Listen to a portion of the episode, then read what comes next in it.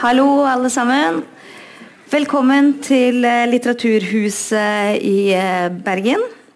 Jeg heter eh, Charlotte Myhrbråten og har fått gleden av å lede denne samtalen med vår eh,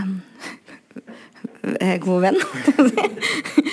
Jeg skulle si vår nye forfatterstjerne. Eh, Joakim Randa Bertelsen. Eh, noen kjenner han som kritiker i Bergens Tidende. Eh, mange kjenner han også som Brann-supporter, og nå har du gått hen og blitt eh, forfatter. Hvem skulle trodd? Eh, du er også litteraturviter, akkurat som eh, du, eh, Erlend Vågan er. Litteraturviter. Leder i Brannbataljonen. Jeg så på eh, vi også er jo, Det er ikke å stikke under en stol at vi også mange panel har kjent hverandre en stund. Men jeg skulle liksom eh, sjekke det siste du driver med. Endringsagent, står det. Endringsagent i Bergen kommune. Kort kommentar, hva er det? Mm, ja.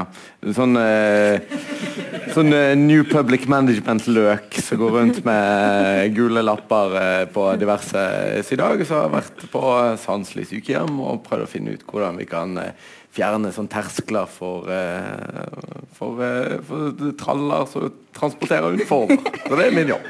Du har en veldig frekk tittel til kommune å være. Endringsagent. Og så har vi Bendik, eller eh, Silje Halstensen, som du egentlig heter. heter. Eh, artist som har gitt ut massevis av fine plater. Spellemannsnominert mange ganger. Veldig kjent for eh, den sakrale eh, versjonen av eh, Aune Heggebø-låten. Og eh, omreisende Brann-supporter. Mm. Jeg kjenner jo Joakim som kritiker. Ja. eksempel. Og ja, har du anmeldt? Det har jeg ikke tenkt på. Det er ondt blod. Har har du aldri hørt hvordan vi første gang vi snakket? Vi kom i preik fordi jeg ga en treer i BT. Å nei. Og verre skal det bli. Her er vi nå. Vi skal jo er jo òg eh, litteraturkritiker, så nå er Nå skal jeg få kjørt meg. I dag skjer det. eh, Grunnen til at vi er her, er jo eh, Joakims bok 'Brann'. En historie om eh, skandaler og eh, kjærlighet. Og sikkert eh, mange av dere allerede lest eh, boka som ligger på topp én på Nordli Strandgatens sakprosaliste. Eh, jeg vet ikke om han har, har man liksom solgt 1000 da, eller fem? Jeg vet ikke, for han sang som en Jeg, var- sjeik innom Nordli Ja. eh, når jeg gikk forbi, og da var han ute av hele listen. Så, så sikkert, sikkert solgt, eh, solgt ut sitt. Men eh, noen av dere har sikkert eh, lest den allerede. Men kanskje noen av dere som egentlig ikke har pipling på hvem noen av disse her er, men som er bare veldig glad i Brann. Så tenkte vi kan jo rett og slett kickstarte det med at du leser litt, så man får en følelse av hvilken eh, sjark eh, vi er i. Ja. eh, begynner rett og slett fra side nummer én. Eh, kan kanskje si først hvor boken begynner, for den begynner med en litt sånn kort epil, eller eh, prolog. Eh, som er bare en etableringsscene som går igjen først i cupfinalekapitlet. Så vi begynner her på en, på en benk i Oslo i mai. Jeg har de seneste timene flakket rundt med hendene og lommene fulle av røde drømmer og kvitteringer fra en lang reise. Nattoget fra Bergen bød meg ikke på søvn. Det pleier det heller aldri å gjøre. I stedet for å vandre utrettelig rundt, en selsom aktivitet for en mann som ikke har sovet på lang tid, og som vet at han venter på noe vidunderlig, setter jeg meg på en benk for å observere menneskene i denne merkverdige byen.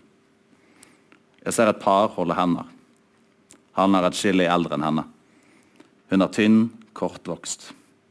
Mannen, en real stilk, sprader rundt som om beina er laget av stylter, og snakker til sin antatt kjære som om hun var saksbehandleren hans. Jeg ser en rød drakt blant en gjeng ungdommer som bærer rundt på hvert sitt skateboard. Jeg antar at ingen av dem kan skate. Jeg ser to nye mennesker med røde drakter på hjørnet. De holder også hender. De draktkledde lyser med en glød som minner om den som holder meg våken denne formiddag. Bak dem sitter en jente og drikker kaffe. Hun har et blikk som sier at hun aldri får et øyeblikks fred. Jeg ser flere rødkledde komme mot meg. Også de konkurrerer mot den skarpe solen, som om selv solens mest entusiastiske skinn ikke er riktig skikket for anledningen, og man har sett seg nødt til å anskaffe tyngre skyts. De rødkledde blir flere og flere. Gjenskinnet deres treffer meg som en kile og separerer meg fra benken jeg sitter på. Jeg må visst reise meg og ta følge. Og så skal vi tilbake til Oslo. En liten uh, side. Uh, nå er vi da tilbake i kapittelet som heter Tåken. Og de som har dessverre fulgt med Brann en stund, vet hva dette dreier seg om. Det dreier seg om kvalifiseringstapet mot Jerv. Og det begynner som følger. Det er mye med Oslo som er annerledes for en bergenser. De effektive og svært høflige kaffeavtalene som både starter og slutter akkurat som avtalt. Det joviale, men likevel svært bokstavelig sinnelaget som holder samtalen i bånd og aldri slipper fantasien til, annet enn i sofistikerte, men også godt innøvde former. Glattisen og kuldesjokket som møter deg når du åpner kafédør. Luften som står helt stille om vinteren. Den bitende kulden som henger der som en knusktørr, blank flate. Det er ingen vind som hamrer løs på kroppen din når du går nedover gatene. Planmessig ligner disse gatene hverandre i så stor grad at du forsvinner litt og litt for hvert eneste desorienterende skritt. Du glemmer både tid og sted der du vandrer rundt uten et eneste skeivt smau eller ruvende fjell. Til slutt vet du ikke hvor du er, hvor du skal, eller hvor du kom fra. Bare i løpet av en liten spasertur fra Ullevål til Grünerløkka har du blitt en del av byens mange fotgjengere, døde biler og grå fasader. Før eller siden er du ett med Oslos aller mest markante særtrekk den tykke, grå tåken. Denne desemberkvelden i 2021 på Valle, en bydel som er karakterisert av en merkelig fusjon av byggeskikker vi kjenner både fra Nymark og Åsane, synes det som om tåken lå uvanlig tykt, selv etter Oslos parameter for gråværsfenomener. Her i Tåkehavet, på Vålerengens hjemmebane Intility Arena, skulle sportsklubben Brann, Bergens stolthet og forbannelse, møte lille Jerv fra Grimstad for å avgjøre hvem som var verdig en plass blant Norges 16 beste fotballag. Vanligvis Ja, det er tragisk, sant? Vanligvis møter man slike kamper med en følelse av makt. Som om intet annet enn ydmykelse er et mulig utfall. Som om spillet er rigget, utfallet er sikret, og katastrofen simpelthen bare trenger å utspille seg. Det var ikke tilfellet før denne kampen. Katastrofen hadde på sett og vis allerede funnet sted, på verst tenkelig vis. Da Kåre Ingebrigtsen, Rosenborg-helten og bilselgeren, ble ansatt som hovedtrener for Brann høsten 2020, ble det møtt med apatisk sarkasme fra deler av supportermiljøet. I hvert fall blant de mer kultiske og kulturelt anlagte. Et slående eksempel på hvordan supporteren forholdt seg til Brann på dette tidspunktet, fant sted i en Twitter-tråd samme høst, hvor daværende SV-leder Audun Lysbakken undret seg over hva i all verden man skulle kalle Ingebrigtsen, som hele sin karriere har vært kjent som Juttern. Uh, ja. Dette er et uh, kallenavn som, helt, uh, som, er helt fullstendig umulig å uttale på bergensk. Ikke bare grunnet den lingvistiske finurligheten i form av en apostrof, men også fordi slike østlandismer gjerne kan oppleves som nedverdigende på tungen. Litt som det velkjente marerittet hvor en plutselig befinner seg naken i et klasserom. Diskusjonen virket noe halvhjertet, som om selve premisset egentlig var under vår verdighet. Helt til rapperen Lars Vaular skar igjennom med et utsøkt eksempel på bergensk ironi. Tror kuken er ganske innarbeidet allerede.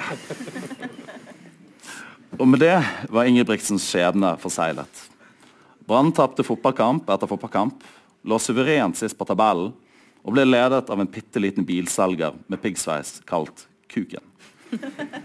Siden skulle alt bli uendelig mye verre. Tusen takk, eh, Joakim. Um...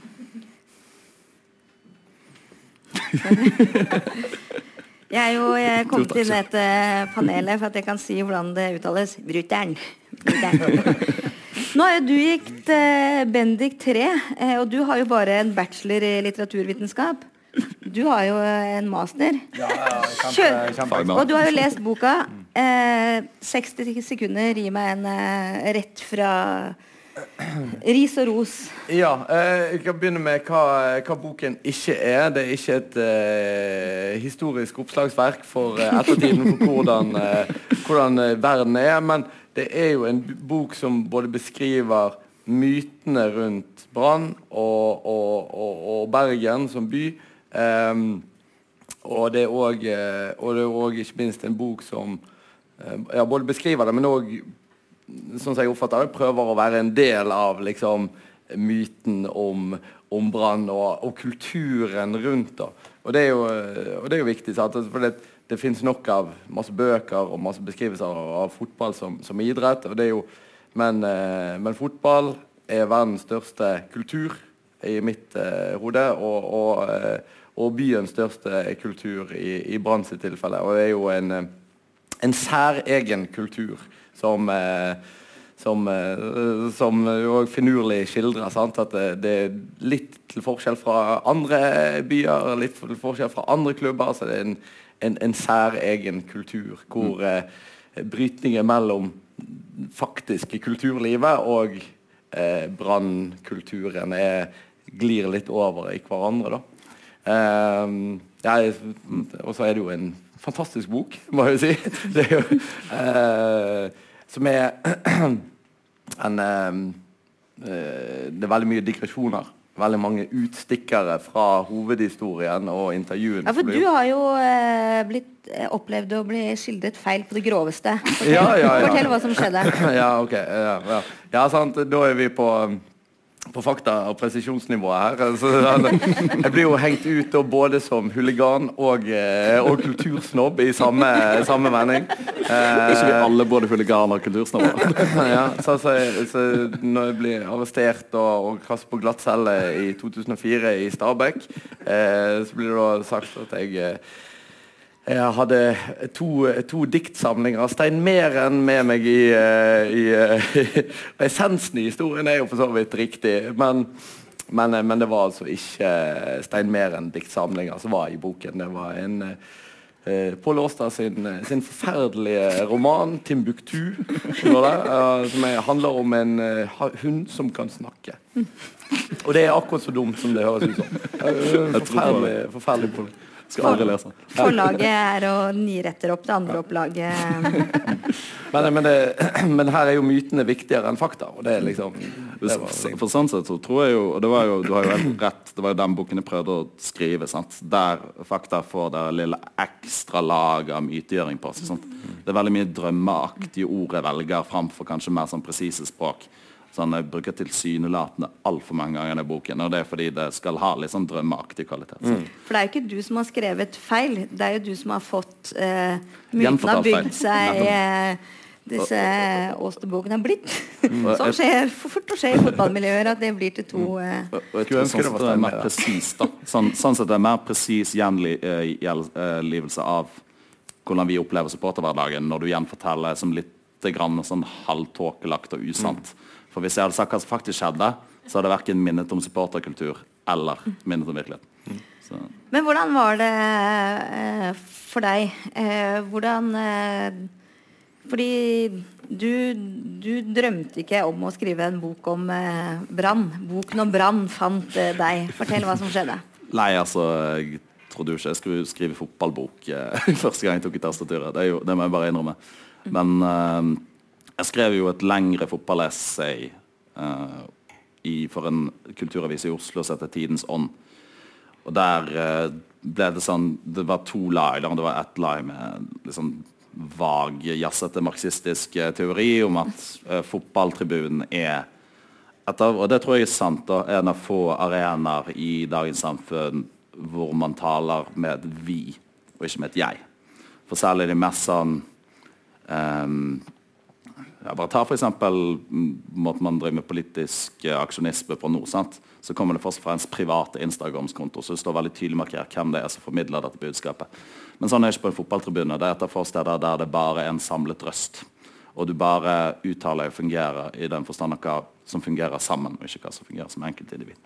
Uh, og Da skrev jeg litt om det i forlengelse av en veldig sånn, forfyllet bortetur til Sandnes. Uh, der så må jeg uh, En fyr du kjenner, bl.a., uh, litt sånn forfyllet, pekte på alle steder. Her går det krigsforbrytere, her går det krigsforbrytere. Nedover hele turen til Sandnes.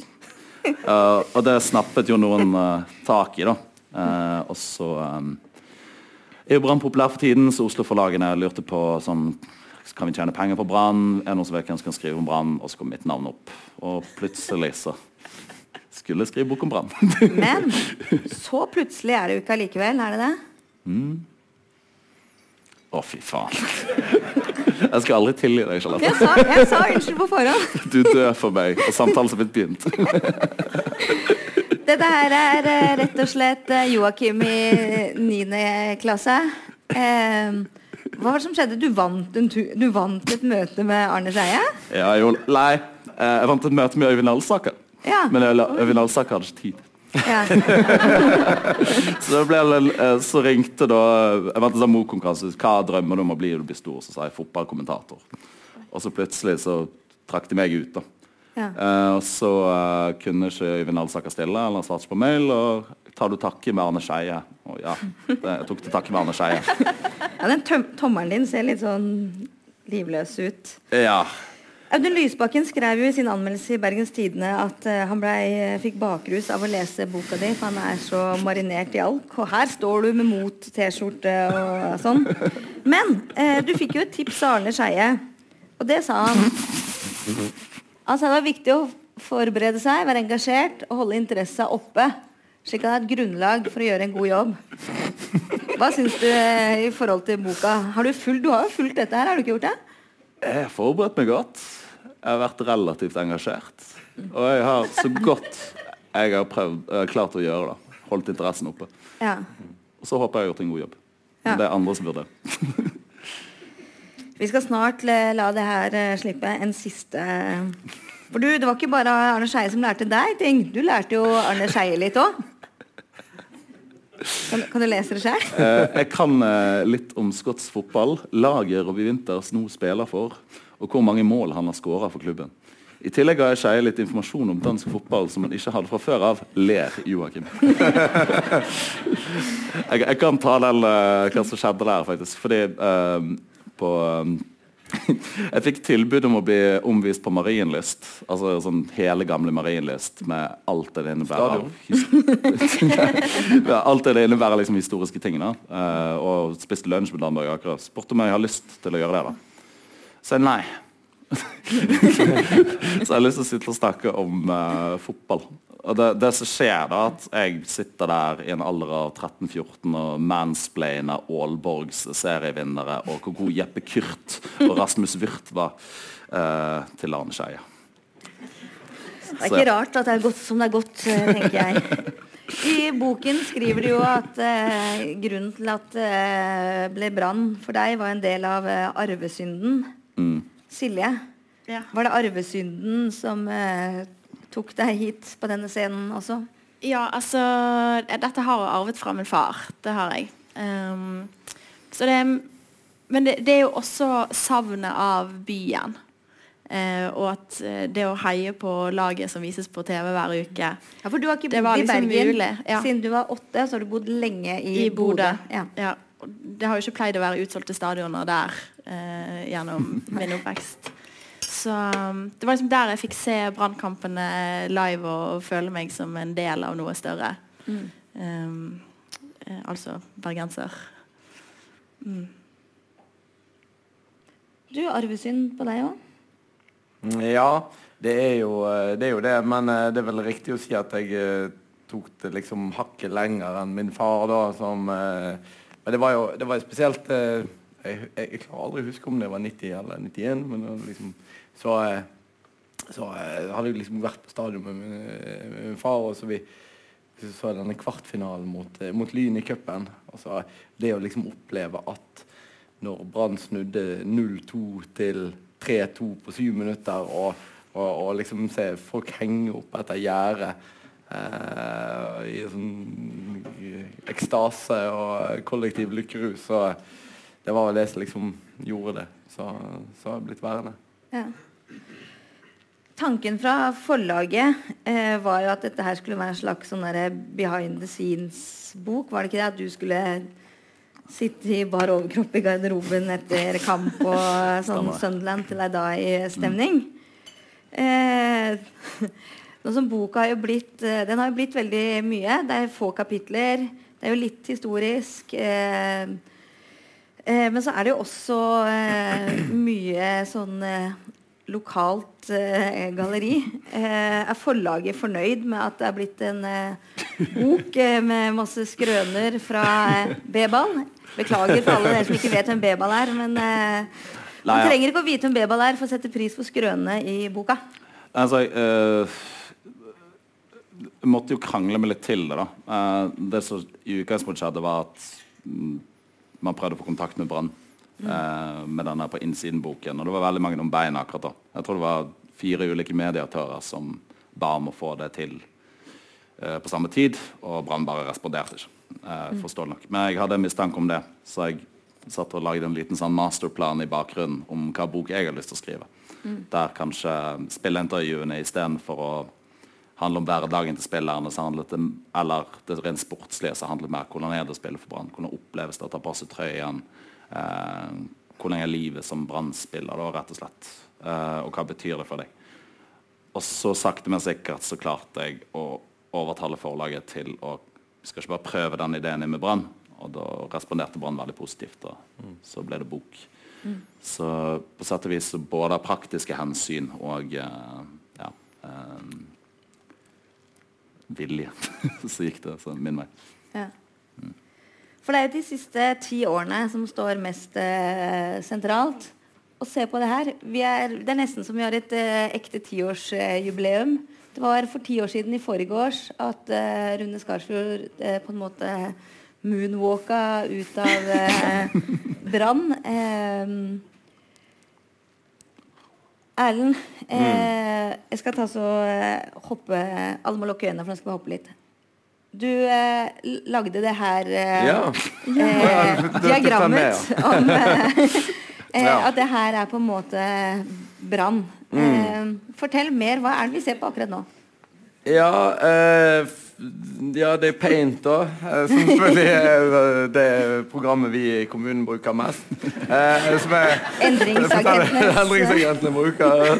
Så det er det, mest sånn elementære. Nei, altså det, og, og dette er litt sånn Kanskje litt i motstrid til den myten som boten, boken her både prøver å bygge og eh, og, og, og hele tiden refererer til. Sant? Altså både Bergen og Brann som en sånn eh, kontinuerlig nedgangsbølge. altså liksom sånn Eller Georg Johannessen sa at, hva, hva ja. sa, at eh, byens historie er en eh, Det er vel et, en, et, eh, Etter 1814 så er det 200 år med nedgangstid avbrutt av enkelte katastrofer. Ja. ja. Sant? Og det, så jeg levde jo ikke på 1860-tallet eller, eh, eller sånn, men, men iallfall i, i dette, dette er vel en eh, kurve over fall de siste ti årene. Du kunne sikkert strekt det lenger tilbake i tid, men at min, min, min grunnleggende påstand her er at eh, ja, det som Joakim skriver i boken, at, at Brann eh, sin historie er preget av eh, oppturer og helt sånn sinnssyke nedturer, og kanskje mest av det siste. da. Eh, men, eh, men, men sånn på det, på det sto, i det store linjen, hvis du trenger, trekker den svarte grafen her, så, eh, så, så, så blir tross alt Brann en bedre klubb eh, enn en det var for, for ti år siden. Og for, sikkert eh, lenger tilbake enn det. Um, og litt sånn tilbake til eh, til eh, Skal ikke ta det liksom Rune Skarsfjord sånn spesifikt, men, men, men, men jeg husker når vi begynte liksom å engasjere oss mer sånn konkret i klubben og klubbens drift, og liksom prøve å få liksom et engasjement rundt årsmøtene på, på klubben, så var jeg, var jeg oppfattet at, at Brann var liksom en arrogant klubb. En litt sånn, eh, som tok pub, sitt publikum for gitt, eh, og som eh, Eh, ja, var kanskje mer preget av eh, at folk ville være med i klubben fordi at det ga prestisje, og at så eh, Ja, folk ble hentet inn fra næringslivet og, og alt sånt til å sitte i styret og stell. Um, og så så, og der syns jeg jo vi er på en helt annen plass i dag. Uh, og det syns jeg òg Vi har gått ganske godt gjennom disse spillerintervjuene. Sant? På en måte hvor, hvor eh, eh, spillerne på en måte har en De fra, snakker liksom litt sånn på vegne av klubben, føler jeg. At de liksom sier liksom hvor mye det betyr for dem å representere byen, og hvor mye publikum betyr for dem. Og, og, og, og kvinnelaget som har kommet inn, eh, som òg har gjort veldig mye med liksom hele klubben, men òg eh, er min oppfatning av at det òg har preget liksom herrespillerne i veldig stor grad. For når kvinnelaget kom inn i Brann, så var det liksom de tok definitivt ikke publikumsstøtte for, for, for gitt. Mm. Eh, og, og, og, og, jeg opplever at, at, det har smittet veldig over på, på herrelaget. At de har på en måte satt pris på, på en måte, støtten rundt byen på en, på, en annen, på en, annen, måte enn det var før. Hvor det var mye mer sånn ovenifra og ned på, alle plan. Men så har vi jo selvfølgelig nachspiel, Så det liksom, som er liksom kanskje bunnpunktet i, i hele klubbhistorien. Men vi har tross alt klart å komme oss ganske fort opp igjen. Vi skal komme tilbake til nachspielet. Mm. Kan ikke du si Kan vi det? Eh, det skal vi snart kose oss med. Eh, hva var det som gjorde at din på en måte sånn eh, iboende og eh, naturlig Brann-sympatisme virkelig eh, tippa over fra å være at du bodde i Bodø, til at du reiste hele Norge rundt og spiste pølse i vaffel og alt annet det innebærer å følge Brann eh, overalt. og det her er jo nettopp det, det er jo etter det bunnpunktet. Det er etter nachspielet. Det er egentlig når jeg finner ut at jeg skal ta en pause for at det blir for mye og, og um, Altså, Jeg kan liksom ikke relatere meg i det hele tatt til akkurat det laget. Men så ser jeg jo at eh, Brann tar tak i det, og ikke minst supporterne mm. setter veldig um, hardt, mot, hardt der. Og sånn skal det ikke være i vår klubb. Og det faller jeg veldig for. og føler meg veldig, Det er noe med det vi er. Jeg føler meg veldig en del av Dette vil være en del av. Mm. Uh, og så er jo dette noe Jeg drar på kamper med mine små brødre, som endelig har blitt store nok til at de kan være med på det som også skjer utenfor uh, Oslo by. Så vi begynner også å reise på hjemmekamper. Og så eh, kommer jerv, og så kjenner man sånn Her må jeg ha mer av. Og det er noe med den rusen. Det er nesten litt sånn ironisk at den er mot eh, Eh, er en del av sporten. For det er jo noe med den rusen der bare i seg sjøl. Av å se det laget skåre, vinne, tape til og med. Altså, mm. Det var jo på mange måter en slags samling i bånn på flere nivåer, det mm. nachspiel-greiene. Men òg helt konkret i kampen mot Sandefjord. For det, mm. det, det sånn, Når man tenker tilbake på den kampen, så er det en ganske sånn spektakulær samlingbånd i selve kampen. Mm. Altså, Brann ligger under 1-2 til pause mot uh, Sandefjord. Uh, store deler av første gang består i at de blir pepet ut av sine egne sportere. Det er en stillhetsdemonstrasjon i 19 minutter og 8 sekunder for å markere um, klubbens stiftelsesår, da, som taler i tydelige språk.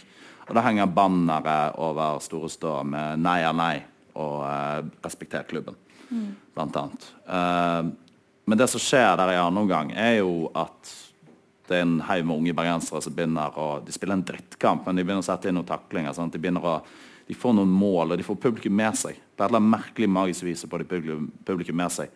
Og dette kulminerer jo i den scenen de fleste som følger Brann tett, husker når man står og synger Nystemten. Og dette er bare en uke etter nachspiel. Står man og synger Nystemten med spillerne. Og både spillere og supporter opplever det som enormt emosjonelt kraftfullt. Mm. Og det er noe som skjer der. Det er på mange måter at når du tror at alt bare kan implodere og bare gå rett nedover, så vekker det en sånn energi og sånn samhold som jeg vil si at det er veldig mye av fundamentet til det som har skjedd i ettertid. Mm. Mm. Ja, ja, jeg er bare helt enig i det. For jeg liksom, tror kanskje det, den Sandefjord-kampen er blant de viktigste kampene Altså på, alle, på sånn fundamentalt nivå en av de viktigste kampene i Branns historie. For det var liksom sånn snupunkt. Det kunne gått, det kunne gått rett til helvete. For det var liksom virkelig sånn Men noe måtte skje. Og denne uh, ideen som kom opp med å markere eh, noe, noe, måtte gjøres. Noe måtte markeres. Og det denne, så ble det liksom Og det kunne gått alle veier. Men det ble den stillheten i 19 minutter og 8 sekunder som var utrolig symbolsk viktig. Og så selvfølgelig at, at, at kampen gikk som den gikk, og at det endte med nystemten her på slutten. Altså, det, det, det, er liksom vanskelig å overvurdere hvor, hvor viktig den kampen her var, og, og, og mye av det koket rundt Brann som vi ser i dag, på, på alle nivå, kan man liksom spore litt tilbake til den kampen. Det kunne gått, det kunne gått skikkelig gale. Mm. Så er det jo også den alle må, ja, det er også den alle må gå på stadion-kampanjen som kommer etter hvert. Der, og, som jeg tror er veldig vesentlig. at eh, her skal ikke noen være medgangssupportere. Det tykt og tynt. Da. Men samtidig, sånn, jeg så det der eh, skjemaet ditt. Det passer, du, de kurvene der det passer jo inn i det. Veldig vitenskapelige ja. Teorien min i boken er jo at uh, av litt mer åndelig art da, at sånn, når det går veldig veldig bra, så må du betale i straff, i botøvelse, med at det går rett til helvete. Så hvis du vinner serien, så rykker du ned. Jeg vil, jeg, vil, jeg, jeg vil litt tilbake til her. Eh, 28. november. Det er ikke Rikard Norling helt bekrefta eh, ennå. Eh, men eh, nå skulle jeg vært litt eh, proff og lagt inn en sånn YouTube-lenke til neste jeg skal vi vise. Men eh, det her fins ikke i noe sånn eh, normale format, så jeg beklager denne switchen eh, om her. Eh, Ja. Nei, ikke helt der. eh, Det er verre enn som så. Eh, ja, du sier nei, Ellen. Nei, kom an. Eh, Dette, er pinlig. det blei jo en Rikard Norling. en høyt elska fiasko. Det var eh, 28. november det sto at kanskje Eller at Rikard Norling passer for Brann. Her står det også at det er 28. november 2013, Tyskland. Ja, køll. Køll. Eh, er det lyd nå når jeg setter på? Bare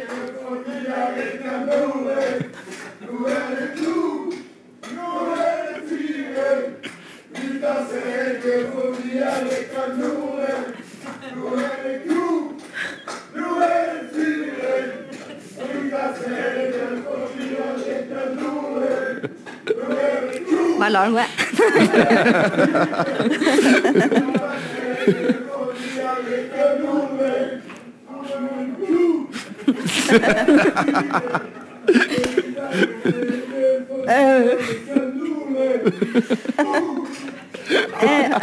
Holder med Eh, det her er vel eh, første gang eh, denne låten så eh, dagens lys. Eh, og Erlend Vågane, du var der på åstedet. Hvordan klarte dere så spektakulært å bygge forventningene så høyt for eh, Rikard Norling? Hva var det som skjedde? Hvorfor eh, gleda alle seg sånn til eh, at han skulle komme? Nei, altså, det er jo altså, Ta ta det tørre og litt kjedelige først. Så det er klart at han var jo en eh, Han var jo en suksesstrener og kom rett fra seriegull i, i, i Malmö. Og, og vi visste jo at han han hadde vært i AIK og vært eh, en eh, Han fikk jo sparken der, da, men, men, eh, men, men ble liksom var veldig sånn helt blant supporterne. Og såpass hadde vi jo fått med oss. Så, var, så når han måtte gå, så var det liksom trusler mot sportsdirektøren og, osv. så. Så han var en sånn fanfavoritt alle parter, plasser. Og Altså, jeg skal ikke si at jeg visste det akkurat der og da eh, på den videoen, men, men, men han er jo kanskje- Ja, han er jo kanskje så, så pass som eh, Morten Hammerborg beskriver. Så at, altså, at, at eh, han eh, passer veldig godt til, til det, det bergenske. Altså liksom en som liksom, kommer med store ord og flotte eh, liksom, svevende tanker og store ideer. Eh, men kanskje hoppe litt over dette her eh, at, at det må legges ned en jobb i bunnen, da. Eh, Han Hva altså, tenkte dere når uh, Rikard Norling ble Altså, jeg var jo jeg var jo 18 år, så jeg ble jo stupforelsket. Mm. Men sånn i ettertid når jeg skrev boken, så har jeg skrevet litt det Erlend var inne på her. At sånn, grunnen til at han ble så, vi ble så sjarmert av ham, var jo fordi han har akkurat samme vrangforestilling som vi har. Sånn, der eh, kanskje veldig mye av Bergens historie er preget av at man henviser til hva Bergen en gang var. Og da stiller det opp mot hva Bergen var, da, når man liksom alltid krever sin rett overfor Oslo osv. Så, videre. så jeg ber- brann litt på samme måte at det er liksom det på mange måter er en klubb som er forventningen om noe klubben aldri har vært. At man forventer at det skal være en slags sånn etablert storklubb, men som aldri har hatt noe resultat å vise. det. Men likevel så er liksom den fortellingen om Brann sannheten om Brann. Mm. Uh, og Nordling var jo den første som matchet det mer eller mindre pitch perfect. Og det hører, Alle skjønner jo at det blir som to atomer som krasjer litt for hardt. sant? Det er jo en ultimate katastrofe. Silje, hadde, husker du hva du tenkte? At han eh, lignet på min far. Det var instant crush. eh, hvis Ja. jeg lå, jeg, det går Som ikke an å Razika kalle det låten. crush, men altså, det var instant sånn Har, har du lyst til å adoptere meg? eh, aktig. Men eh, Nei, men jeg er veldig glad for at denne motgangssupporter-dokumentaren fins. For det å se liksom forsanger Markus eh, gråte og gi Rikard en klem der på slutten, det er noe av det sterkeste jeg har sett i dokumentarform. Men eh, jeg skal prøve meg på et sånn søkt eh, resonnement. Eh, Lars Arne Nilsen var liksom null forventninger til. Han bare, ja, Hornland, og så var jo null bare sånn vikarlærer eh, siste time på fredag. Eh, masse forventninger til eh, Nordling. Gym, gymlærer i naturfag. Ja. Masse forventninger til Kukin. Må Monsiva Mjelde eh, Var det lite. Ja, det som jeg sa, det var litt søkt. Det, kan, det går an å Stein Nilsen mye, og så Rune Skarsfjord passer ikke helt inn i greia. Men eller eh, det, det er min statistikk at eh, alle som man eh, tror på, går i dos, mens alle som er sånne nøkterne, vanlige menn som man bare tror snart skal vekk, har, uh, har klart seg. Kjør debatt. Ja. Nei, jeg kjøper ikke helt den. Neste spørsmål. Ja, hvis hvis jeg tar dissens så, eh, for dette, dette kommenterte jeg på en podkast. Det var liksom, eh, dette var, jeg husker var underveis i 2021-sesongen. Den eh, sesongen som har blitt beskrevet som den verste sesongen av noen fotballklubb noen gang, noe sted i hele verdenshistorien. Um, så var, så var liksom, altså, forventningene var lave, men de ble heller ikke oppfylt. Så det var er jo korrekt svar. Ja.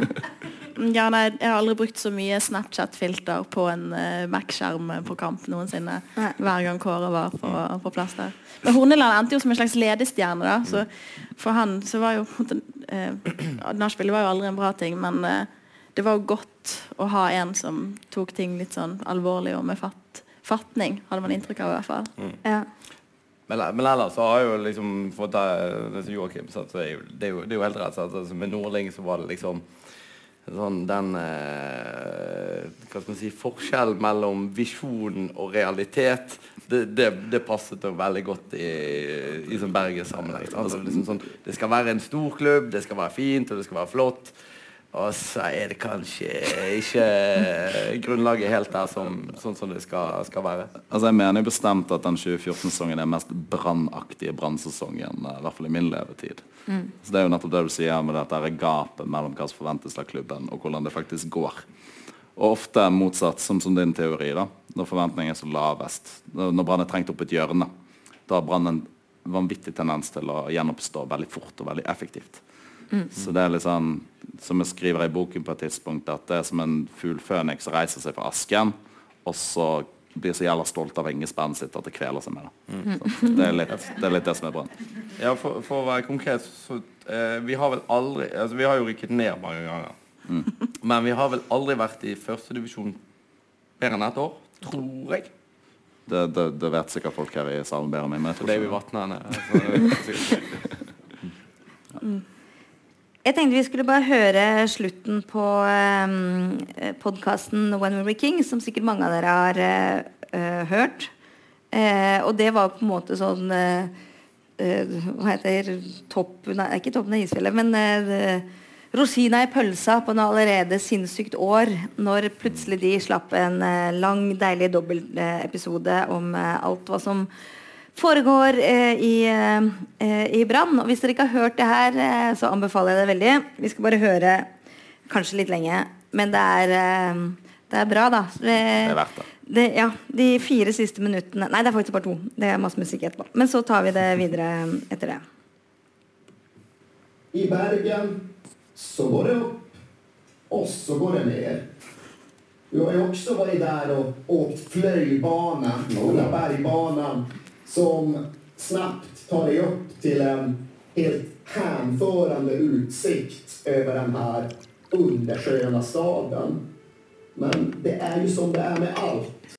Utsikten där uppifrån är inte värd lika mycket ifall man inte först har varit där nere bland gatstenen. Och som fotbollsstad är Bergen väldigt mycket.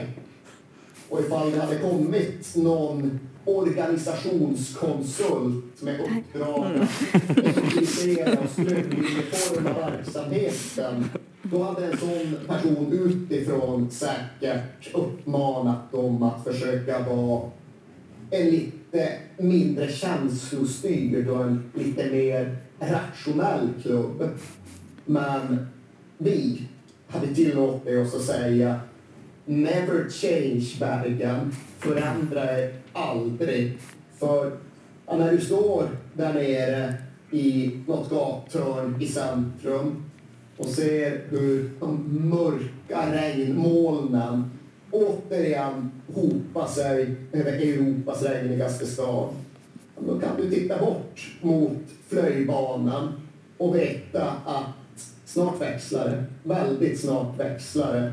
Och då är det bara att sätta sig i den där bergshissen och åka med upp. För i bergen är det aldrig långt till himlen.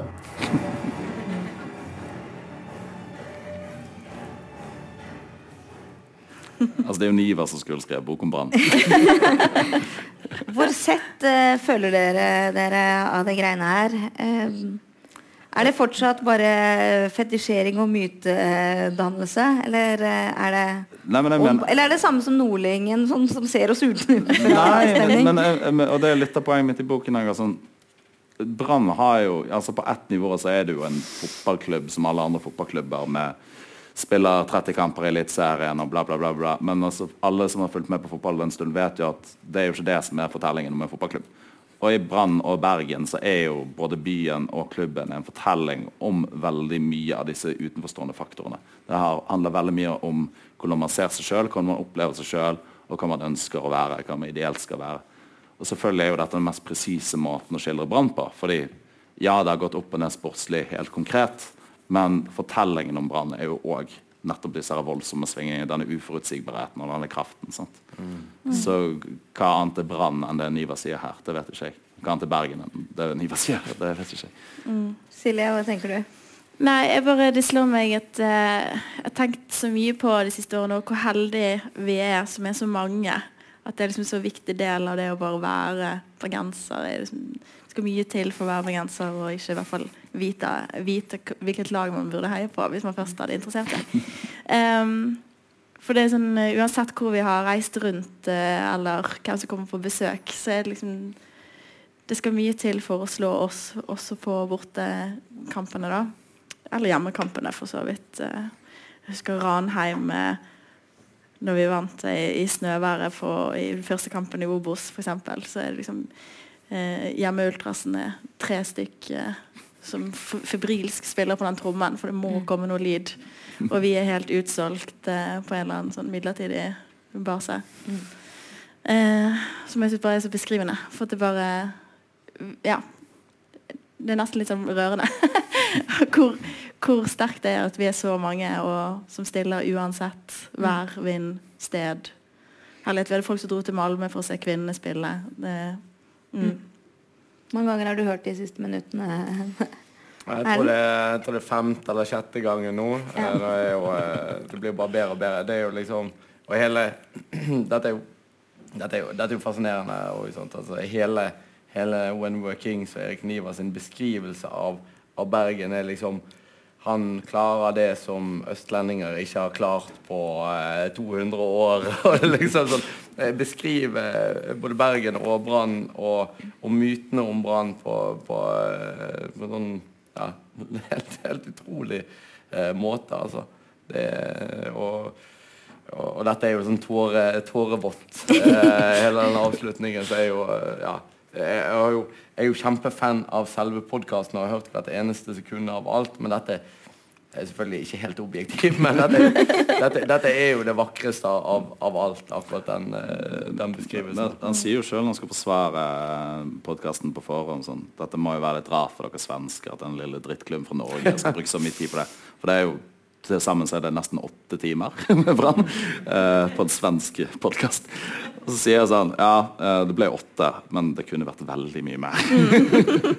Det sier vel egentlig alt man trenger å vite om uh... Ja, og så skal jeg si om jeg liksom sånn, ja, det er vel sikkert en del svensker som tenker at, eh, at, at dette er ikke en, en klubb og et lag som fortjener et, et avsnitt.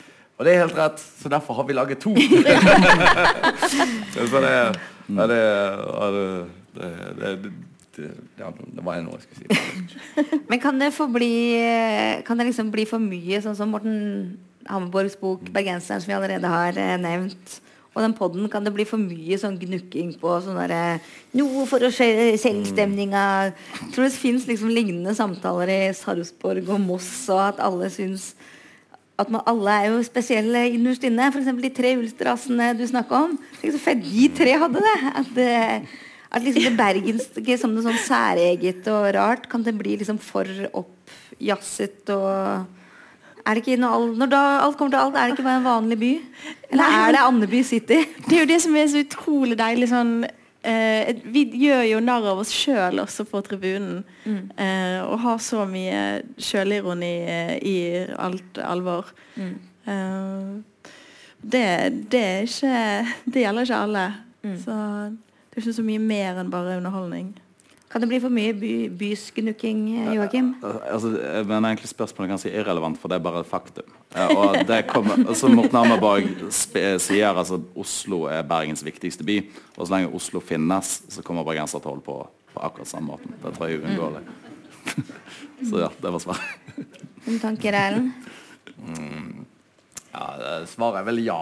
ja det, kan, jo- det er klart eh, vi kan, vi kan jo bli eh, for sjølopptatte. Og, og liksom apropos eh, dette med sant, altså når, når det kommer åtte timer podkast om Det er jo ingenting så, så, vi elsker mer. Sant? Noen snakker om oss, og det, det spiller ingen rolle hva de sier, og hva, hva som er innholdet, bare så lenge så lenge vi blir snakket om, så er det, så er det helt, helt, helt fantastisk. Men det er klart det kan sånn ytre sett så er jo ikke det nødvendigvis eh, så mye spesielt med Bergen, men eh, og, og vi kan jo Det kan vår hang til å henge oss opp i vår egen storhet og vår egen fortid kan jo òg holde oss litt tilbake igjen. Så, eh, Absolutt. men um, ja.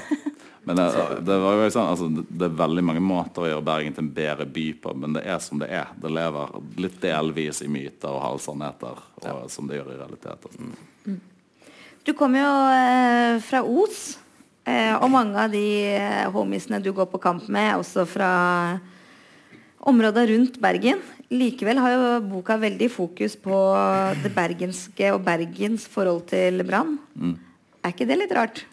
Nei. Revolverintervju. Er ikke det litt rart? Nei, det er hele farssiden min er fra Bergen, så jeg har blitt liksom smittet av det fra jeg var liten. Og Men- begge foreldrene mine hatet egentlig Os og bo i Os. Det ble, det ble veldig bergensfokus uh, hele oppveksten, på en måte. Ja, det gjorde det. Men det fins jo et eller annet interessant her med strilekulturen og by og mann-land i mann, By og land han i hans som heter. heter. Erlend, har du noen tanker? Uh... ja, som stril. Og, Ja, Du er fra Arna. Ja, ja. Um, det som uh, Ja, altså for det første så Brann er jo mye større enn Bergen. Altså det er jo, det er jo viktig. Altså, og, og det tenker jeg både, både sånn det er, men òg liksom jeg ønsker at det skal være. At, at Brann er et, et fenomen som strekker seg langt utover eh, byens grenser, som forhåpentligvis er samlingspunkt for eh, Og det er det for vestlendinger, for hollendinger, for eh, eh, bergensere i eksil, eh, som jo er en eh, Som Silje her, eksempel. Selv om nå er du i hva er det motsatte av eksil? Eh, Ja, du er her nå. Eh, Bergensere i habitat.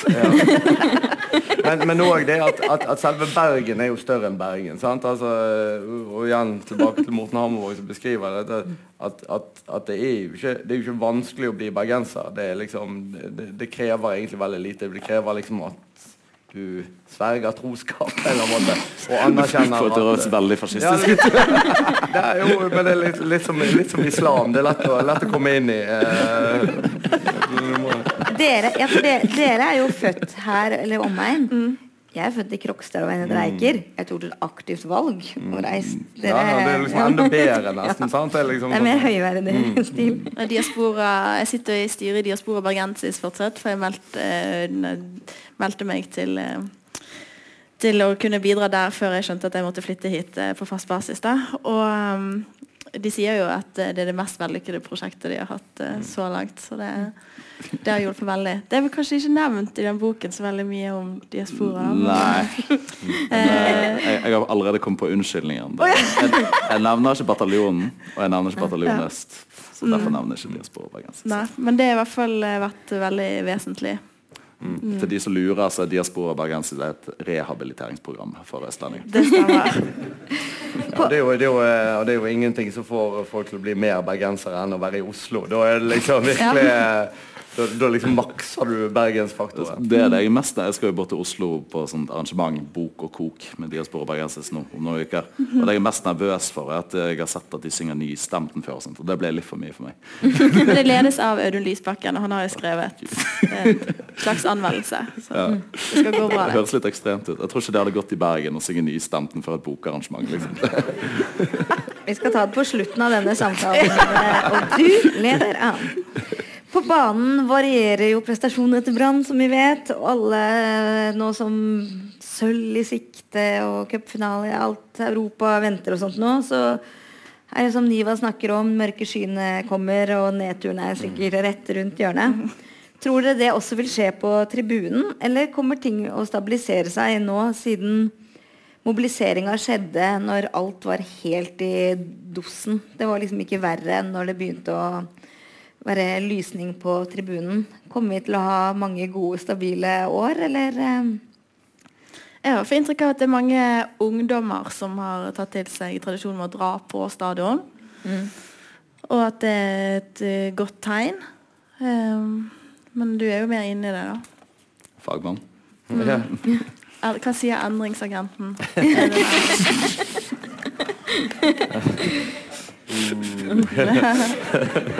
Dagens. Uh, jeg, jeg, jeg, jeg tror det. Uh, og litt uh, tilbake til det som jeg sa i sted, at, liksom Brann er tross alt eh, litt uavhengig av resultatene en bedre klubb. Eh, det er et bedre fundament. Det er, som Silje sier helt riktig, at det er utrolig mange ungdommer som en ny generasjon som på en måte er på vei inn på altså har kommet inn på tribunene. Og de er jo selvfølgelig veldig bortskjemt, for det er jo ikke vant med at Brann sliter. Men, men, men det er jo noe med at hvorfor går folk, følger folk Brann, og hvorfor går folk på stadion? Det er jo ikke nødvendigvis for å se på eh, gnistrende fotball. Da, eh, da har du gjort noe annet i livet. Eh, men det er jo for å være en del av, av, av, av et fellesskap og et, og et kollektiv som er mye mye sterkere nå enn det var for ja, fall sånn, drar det ti år, syv år tilbake igjen i, i tid. Eh, Ja, for du er jo litt eldre enn eh, de to. Ja. Hvordan, du, hvordan var det å komme inn på Var det slutten av 90-tallet du Ja, Kom midten av 90-tallet, ja. Ja. Eh, Hvordan var det da? liksom inn i, i, i, eh, i supporterkulturen. Det var, jo, det, var jo, det var jo mye mindre enn noe. Altså det var mye, altså, er fort gjort å liksom glorifisere fortiden, men eh, på 90-tallet var det, det, var ikke, det var ikke så mange som fulgte, fulgte Brann. Det var et veldig sært fenomen. Eh, jeg tror jeg var eh, omtrent den eneste på ungdomsskolen som eh, Jeg var, en. Christian Aagan var òg litt sånn aktiv supporter. Det var, det var et veldig veldig marginalt fenomen. Iallfall det å være mer enn bare interessert i Brann, men faktisk stå og synge og koke og reise på bortekamper. Som, som nå har på en måte blitt et mye mer sånn mainstream eh, fenomen. Mm, um, så, så der tror jeg vi og, og stemningen er bedre, selv om det er mye syting rundt det. Så har det tross alt blitt, blitt mye bedre. Og det er klart det er jo det, er jo det vi ønsker å være en del av. Og så forhåpentligvis eh, oppleve både oppturer og, og nedturer. Og det så krever det litt tålmodighet, for det, det er som, som det har blitt gjentatt her. Du kan, du kan jo si at liksom, ja, etter en opptur så kommer en nedtur. Men, men det er jo omvendt. Sant? Etter en nedtur så kommer en opptur. Så det er å ha litt, eh, det er litt stamina, altså, så vente på den neste, den neste bølgen du kan eh, surfe på, er jo, Ingenting er bedre enn det. Det er helt sant. Joakim, du er jo kulturanmelder. Kan du, eh, kan du anmelde stadion? Hva er det, vi, hva er det som fins på stadion eh, for tida? Smått og stort. Hva er bra, hva er dårlig? Altså hele stadion, liksom? Ja. Det er jo eh, En ting som har blitt gøy i år, er jo at eh, plutselig er liksom disse veldig sånn eh, passive på langsidene. da. Det var en litt sånn familieaktig tribune på ene siden, og så litt mer sånn vippete på andre siden. Men de har jo begynt å reise seg og synge med og aktive. Spesielt i europakampene så sto de vel stort sett hele andre omgang. Og det er jo noe helt nytt på stadion. Det, det er jo noe jeg aldri har sett så lenge jeg har vært aktiv. At hele stadionet på beina deltar og er aktiv. Og så er det jo som Erlend var inne på, og Silje var inne på, veldig mange unge. Og det tror jeg er den største sånn her, eh, forskjell. Så har vi jo eh, Det er jo sånn typisk bergensk Brann, da. Jeg tror eh, med det stemningen og koket som har vært i år, jeg tror det aldri har vært mer sånn intern eh, kjefting på hverandre og hvor dårlig stemningen er noensinne. Så får vi håpe at det er sånn her eh, prestasjonskultur hos oss òg. Er drømmen deres sånn strengt blanda kor, eller liker dere sånn opp-popping av eh, Jeg er jo litt sånn blandet, og vi er jo en sånn gjeng som står oppe i høyre hjørne. Da, så vi er liksom ikke de mest organiserte, som gjerne står nede på Storostad. Mm. Eh, og så har du det kaotiske, anarkiske, litt eldre oppi sett. Eh, vi er vel et sted midt imellom. Så vi, uh, hvis det er noe vi ikke liker nede på store stå, så retter vi en finger, men vi prøver også å koordinere og samarbeide. Så er sånn midt imellom. Så dialektikk mener jeg er oppskriften for godt supporterliv. ja. ja. tenk på um, en, liksom Ser tilbake til liksom 20 eh, begynnelsen av 2020-tallet, så var jeg bare jeg var så lei av, eh, av å være artist, da, som er jo det jeg jobber som til vanlig. eh, og liksom Så du blir endringsagent i stedet for? ja, ja, ja. Men eh, og det, det bare Det er så deilig å stå på Store Stå. og stå der og synge full hals. Jeg høres sikkert ut som en fem år gammel gutt likevel, da, men eh, sammenlignet med alle de vanvittige 50 eh, stemmene står ved siden av, i hvert fall. Um, men det er noe med det derre amatørkoret jeg har blitt en del av. Vi har ukentlig korøvelser, men vi slipper øvelsen. Vi bare gjør det live. Mm.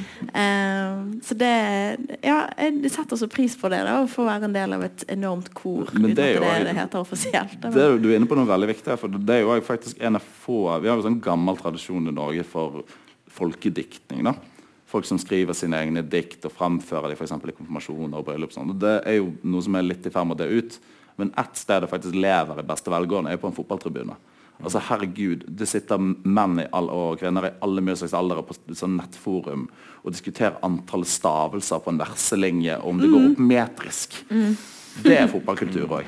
Det er mange som ikke tenker så mye over. Så det er jo folkediktning som utøves spontant, men òg i mer planlagte former på en fotballtribune hver eneste uke. Og det er litt spesielt. Det virker som en veldig bevisst strategi i din bok da, å blande rølp og name-droppe hvilke bøker eh, ulike sportere skal ha med i undiken, eller kanskje må ikke være i undiken, i baklomma på ulike kamper. Hvor eh, liksom har eh, Hvor sentralt har det vært å um, være en sånn eh, sentrifuge for det høye og lave av boka di vært, liksom?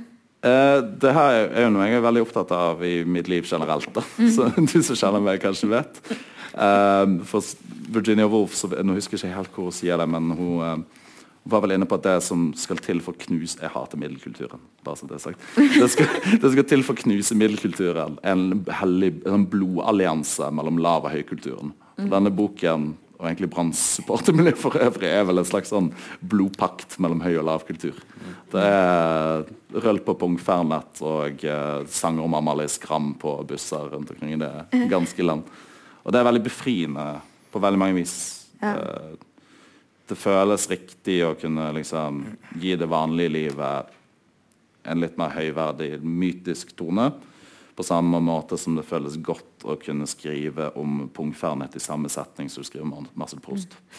Det er Kan det, kan, det bli, kan det bli for mye òg? Nå har jo liksom Jon Fosse sagt at det var større for en TIFO på stadion enn å vinne Nobelprisen. Du ble anmeldt i DK2. Eh, var med en felles venn av oss som hadde noen sånn sinnssyke fabulering om en ny TIFO som var så intellektuell. Ja. Eh, eh, er det bra at det blir en sånn eh, ultra eh, Fyre seg på ræv-tur til Haugesund for å balansere alt det Nei, høye og det lave her? Nei, men altså, kan- Det må jo en motreaksjon til. sant? Altså, Ja. Det må jo følge dette opp- og ned-mønsteret der òg. Jeg tror i, I de samtalene vi hadde etterpå, så var det veldig mange sånn Nei, nå går ikke dette lenger. At vi hadde en Jon Fosse-tifon. Uh, nå er vi nødt til å ha en sånn uh, motstandertrener som henger formen som en rotte, eller et eller annet. Utrolig vulgært. Vi kan ikke ha det sånn. Så, Ja. Men det er jo en, eh, poeng i seg sjøl at det skal veksle litt. så at det, det ene skal gjøre en motreaksjon til det andre. Det er jo det som holder levende. sånn. Vi skal avslutte her, for nå har vi snakka en time. Jeg skal stille et spørsmål til. Og så hadde det vært veldig kjekt hvis noen av dere hadde lyst til å eh, komme med et spørsmål eller en eller annen betraktning. Um, hva er det som gjør eh, Brann til akkurat Brann for dere? Det som er det viktige? Er, er det for liksom medlemsdemokratiet? Er det at det er eh, ekte gress? Er det at det er lokale spillere? Eh, eller hva er sjelen til Brann, og når eh, eventuelt mister eh, Brann sjelen for dere? Skal jeg få begynne? Du skal få begynne. Ja, ja, det er egentlig de tingene du sier. Eh, altså, jeg kan ikke for de to, to første um, spesielt, og det er ja, som, det, det som gjør Brann spesielt for meg, er liksom det at eh, kanskje mer enn noe annet eh, representerer Bergen som by. Eh, og, og kanskje mer enn noe annet. Altså ja, Fløyen og det der greiene. Men, eh, men, men, det er liksom, men, men, det er liksom mer sånn landemerke. Brann er, liksom Joakim beskriver, er liksom sånn et, et bilde av byen i, samlet i et uh, lite konsept oppe, opp, oppe på Nymark der. Um, men òg det at um, og, og, og, og det skal òg Derfor er det viktig at byen faktisk Eller klubben faktisk gjenspeiler byen. Altså medlemmene, de som folket, supporterne. De som er engasjert rundt, rundt klubben. Og at det ikke på en måte skal drives av eh, en um, arrogant eh, elite. Altså, historisk sett har jo Brann vært en snobbeklubb eh, fra, fra starten av på, på, på mange måter. Eh, og, og, men det at Brann per nå eh, syns jeg er på en måte mye mer en folkeklubb, en bergensklubb, enn det noen gang har vært omtrent. Og det, ja, og det, det, det, det er litt klubben for, for meg. Silje? Ja, jeg tror det kommer til å bli umulig å ikke se tilbake igjen på denne tiden her og tenke at det var bedre før en dag det eventuelt skulle være mindre medlemsdemokrati eller uh, ingen lokale spillere igjen på laget. Så um, det er absolutt vesentlig for at det gjør det verdt å bruke dager og netter på. Men tror du de på toppen har skjønt det nå? At de ser at denne grasrotgreia funker bedre enn uh, flosshatt uh, 17. mai-tog-greia? Ja, men i like eh, stor grad som at eh, spillere kan forsvinne til klubber i utlandet, så har jo også hele administrasjonen eh, profil på LinkedIn. Så plutselig så sitter vi der og har HR-sjef eh, som ikke tenker eh, like mye på det. da. Så nei, jeg tror absolutt det har noe å si at vi har, vi har lokale spillere både fra, altså vi har fra topp til bunn. Mm. Men må alltid fortsatt være på, på vakt. Mm. Ja. Joakim? Det er veldig mye, Som alle andre byer så er det veldig mye som splitter Bergen. Sånn, enten det er bybane, eller det er klasse, eller politikk eller geografiske grenser. Men Brann er liksom en av de tingene som forener det. Og det, det tror jeg er liksom hele hemmeligheten med Brann. Så I tillegg så er det jo, for å sitere Felsett, uh, 'gjelder kjekt å fyre på en mandag. Det er en veldig, veldig god unnskyldning for å møte venner og ha det gøy. Så enkelt kan det være òg. Ja. Er det noen som har uh, noe å melde? Nei? Tilbakemelding til Joakim. eh, Ja? Nå har vi hylle, eller dere hylle eh, Jeg trenger den, jeg. Jo, ta, ta, du, ta du, det er noen bak deg som ikke hører. Eh, nå har jo dere hyllet eh, struktur, ro, orden. Men eh, blir ikke det litt kjedelig da for bergenserne hvis det blir Alt går A4, liksom følger alt. Eh, ingen skandaler. Medalje hvert år, Europacup hvert år. Full tribune. Silje er først. Å ja. Jeg var Joakim. um, eh, ja, nei, jeg kjenner, kjenner jo veldig på den der 'dette må vi bare nyte', for jeg tror ikke det kommer til å vare for alltid, akkurat. Uh, ja. um, men så er det jo også interessant nå når vi er plutselig mer enn ett eh, ett lag. Så nå er vi plutselig både i Champions League og kan ta medalje.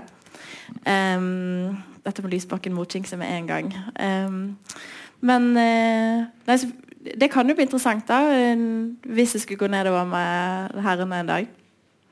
Om kvinner gjør det bra, eller omvendt. Hvordan det blir seende ut. Så vi kan jo risikere at det blir litt flere sånne gnisninger etter hvert. da. Mm. Det er jo jævla praktisk det at man faktisk har et substitutt. Man kan fylle inn Hvis det blir litt for grått på damesiden, så tar man herren. Det kan jo faktisk bli helt sykt. det kan bli ganske bra. Vel, eh, jo, jeg, jeg, jeg tror egentlig du Det ligger vel litt latent i spørsmålet ditt òg, at du svarer på det sjøl. Altså sånn cupfinale, seriegull og Over lang tid altså, har Brann noensinne gjort det? Nei. Kommer det til å skje? Nei. Nå er det for godt. Bare nyte når man, nyte når man kan. Jeg tror, jeg tror risikoen for at uh, scenarioet ditt uh, kommer til å slå inn for fullt, den er veldig veldig liten. Uh, det kommer, uh, det kommer, eh, kommer mørkere dager. Uh, Iallfall på eh, men, eh, men, men, men likevel så er det på en måte noe med at altså Selv om det begynner å Det kommer til å gå dårlig sportslig en dag. Det kommer til å være mye bråk rundt klubben igjen. Det kommer til å være skandaler igjen. Eh, men likevel at Håper jeg at eh, man klarer å holde liksom den grasrot eh, verdien da, som er, er rundt klubben eh, per i dag. På tross av Det virker av som noen har lært at det er en ekte faktor man ikke kan kimse av. Jeg håper det. At, Ja. det, er blitt, eh, at, at, det har vært noen sånne nye standarder som har blitt satt, kanskje spesielt etter nachspielet. Liksom, hvordan, for det var veldig sånn, definerende. Liksom, sånn, hvordan skal, skal klubben være? Nei, han skal ikke være sånn som dette her. Og det er liksom Sånn må det være for, for evig tid, så å si. Dette, dette, dette går ikke. Og Det er jo en veldig fin garanti for byen og supporterne òg at klubben ikke forsvinner. For det har vært en risiko med Brann ganske mange ganger. At klubben har risikert å bare opphøre. Eh, Det at den er grasrotfundert på den måten som man kanskje må ha ferd med å bli enda tydeligere nå, det er jo en forsikring for byen at Brann kommer til å være der uansett om det går bra eller dårlig. At medlemsdemokratiet er sterkt. Andre?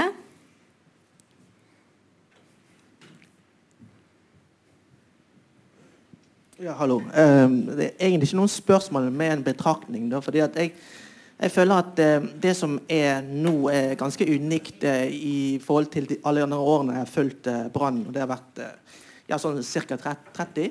Ja, og så har du skrevet om eh, hele klubbens historie, så du har jo litt eh, der, eh, Ja, men jeg, bare tenker det som, det, det som jeg syns er unikt, det er den nærheten eh, spillerne har til publikum. Altså til, til supportene. Eh, fordi at i, altså, Hvis du sammenligner med hvordan det er i, i eh, fotballverdenen nå, mm. spesielt nå i disse, disse tider, eh, hvor man har sportsvask, hvor man har eh, klubber som er eh, ekstremt rike, eh, så har denne nærheten som særlig eh, kvinnelaget har tatt med seg eh, til klubben, vært helt fantastisk. altså en- Enestående. Eh, jeg har en datter som spiller på Nymark. Og på jentelaget, jente, jente 10. Eh, og eh, sånn ca. to måneder etter at eh, damelaget ble til Brann, så, så, så gikk A-lagsspillerne og trente Nymark jente 9.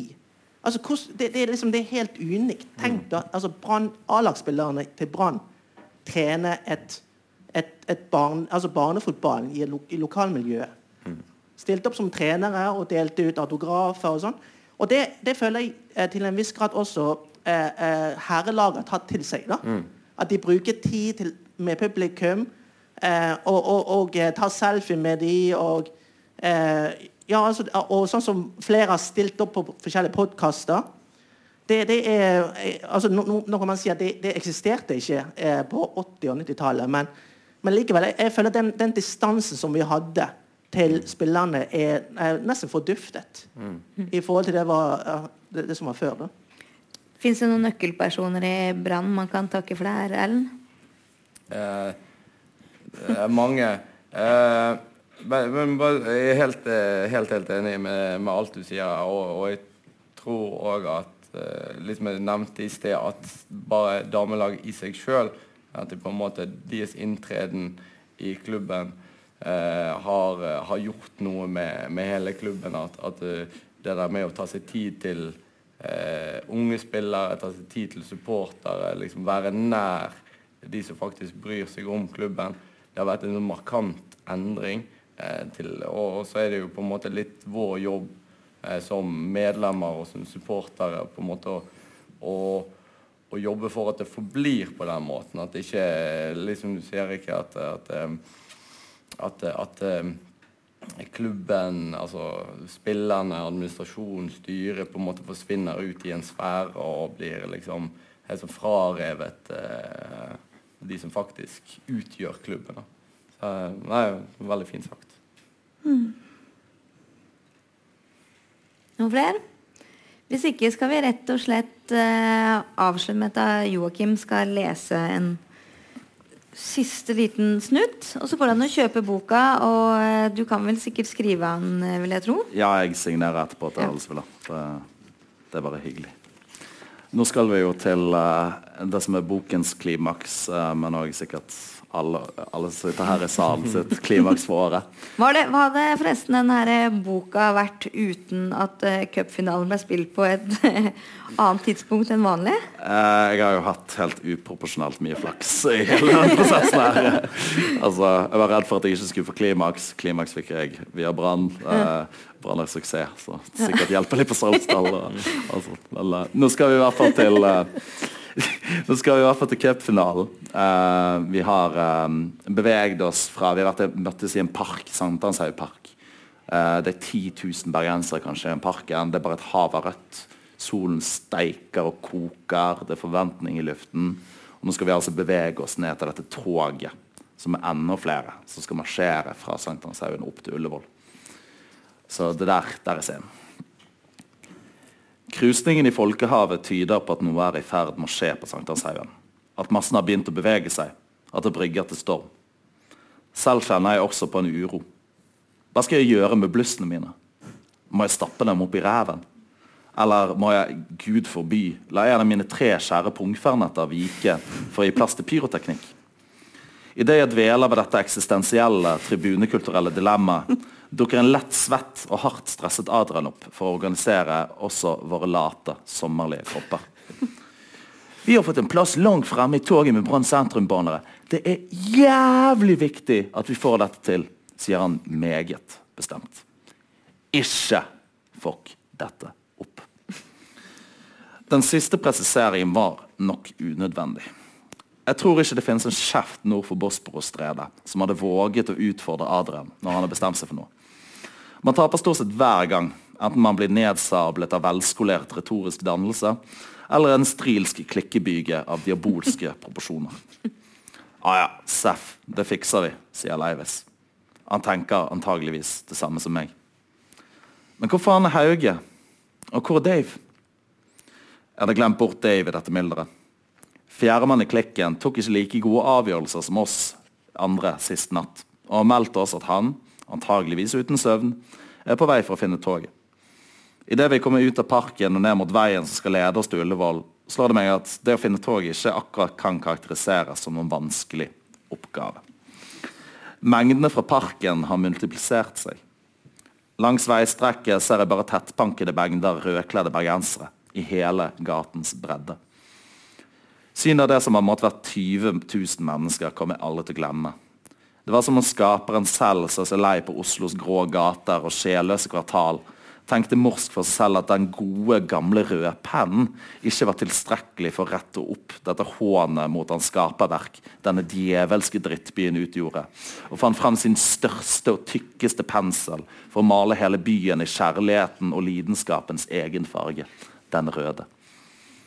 Hvordan vi skal finne Dave i dette mylderet, er ikke godt å si. Ei heller hvordan vi skal komme oss frem til togets fremste rekker.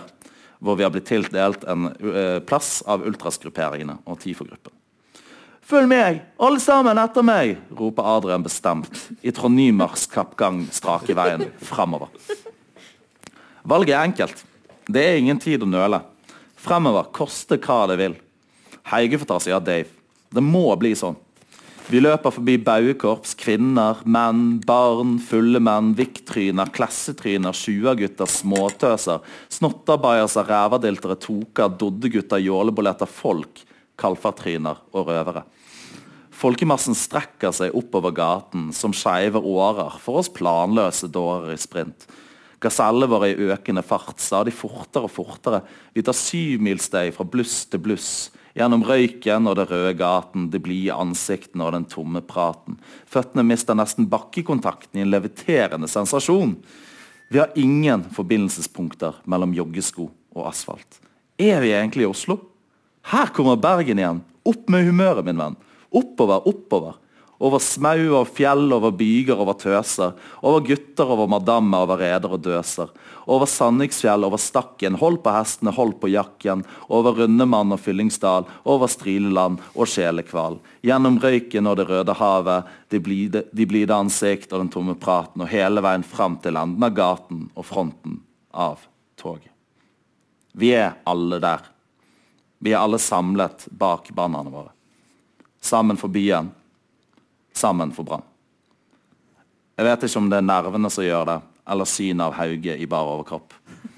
Kanskje det er bare den euforiske gleden av å være midt i en norsk småby av mine egne som er årsaken. Jeg vet ikke, men jeg river opp begge blussene og fyrer de av i toget. Jeg ser bakover, ned den langstrakte, slake bakken som antyder at man beveger seg nordover i byen. Det røde strekker seg nedover så langt øyet kan se, helt ned til horisontens yttergrense. Tilsynelatende stopper massene heller ikke der, men kveiler seg gjennom flere bydeler som en rød anakonda. Blussene og røykene strekker seg like langt. Jeg hører sanger, jeg hører latter, glede og brus av mennesker i bevegelse. Jeg hører lyden av en by som ikke lenger finnes på kartet, men snarere har blitt en fremmedartet utpost i Bergens østre deler. Jeg går blant mine venner, blant folkene og trynene jeg er glad i. Vi går her for byen vi er fra, for klubben vi elsker. Vi pisser i hekkene. Vi viser fing til de skuelystne og synger 'Aldri mer au pair'. Vi slenger fra oss ølbokser og gauler at 'historien er ikke slutt', med referanse til verdens mest ubrukelige filosof. Vi bytter på å bære vårt slitte, men lojale banner med påskriften 'Brann sentrum'. Vi drikker Hansa-øl. Vi drikker Fernet Branca rett fra pungen. Vi går inn på Ullevål stadion, finner plassene våre og synger sangene vi alltid synger. Bare litt høyere. Litt hjerteligere. Litt gladere. Dette kan aldri gå galt. Vi kan bare vinne. Tusen takk.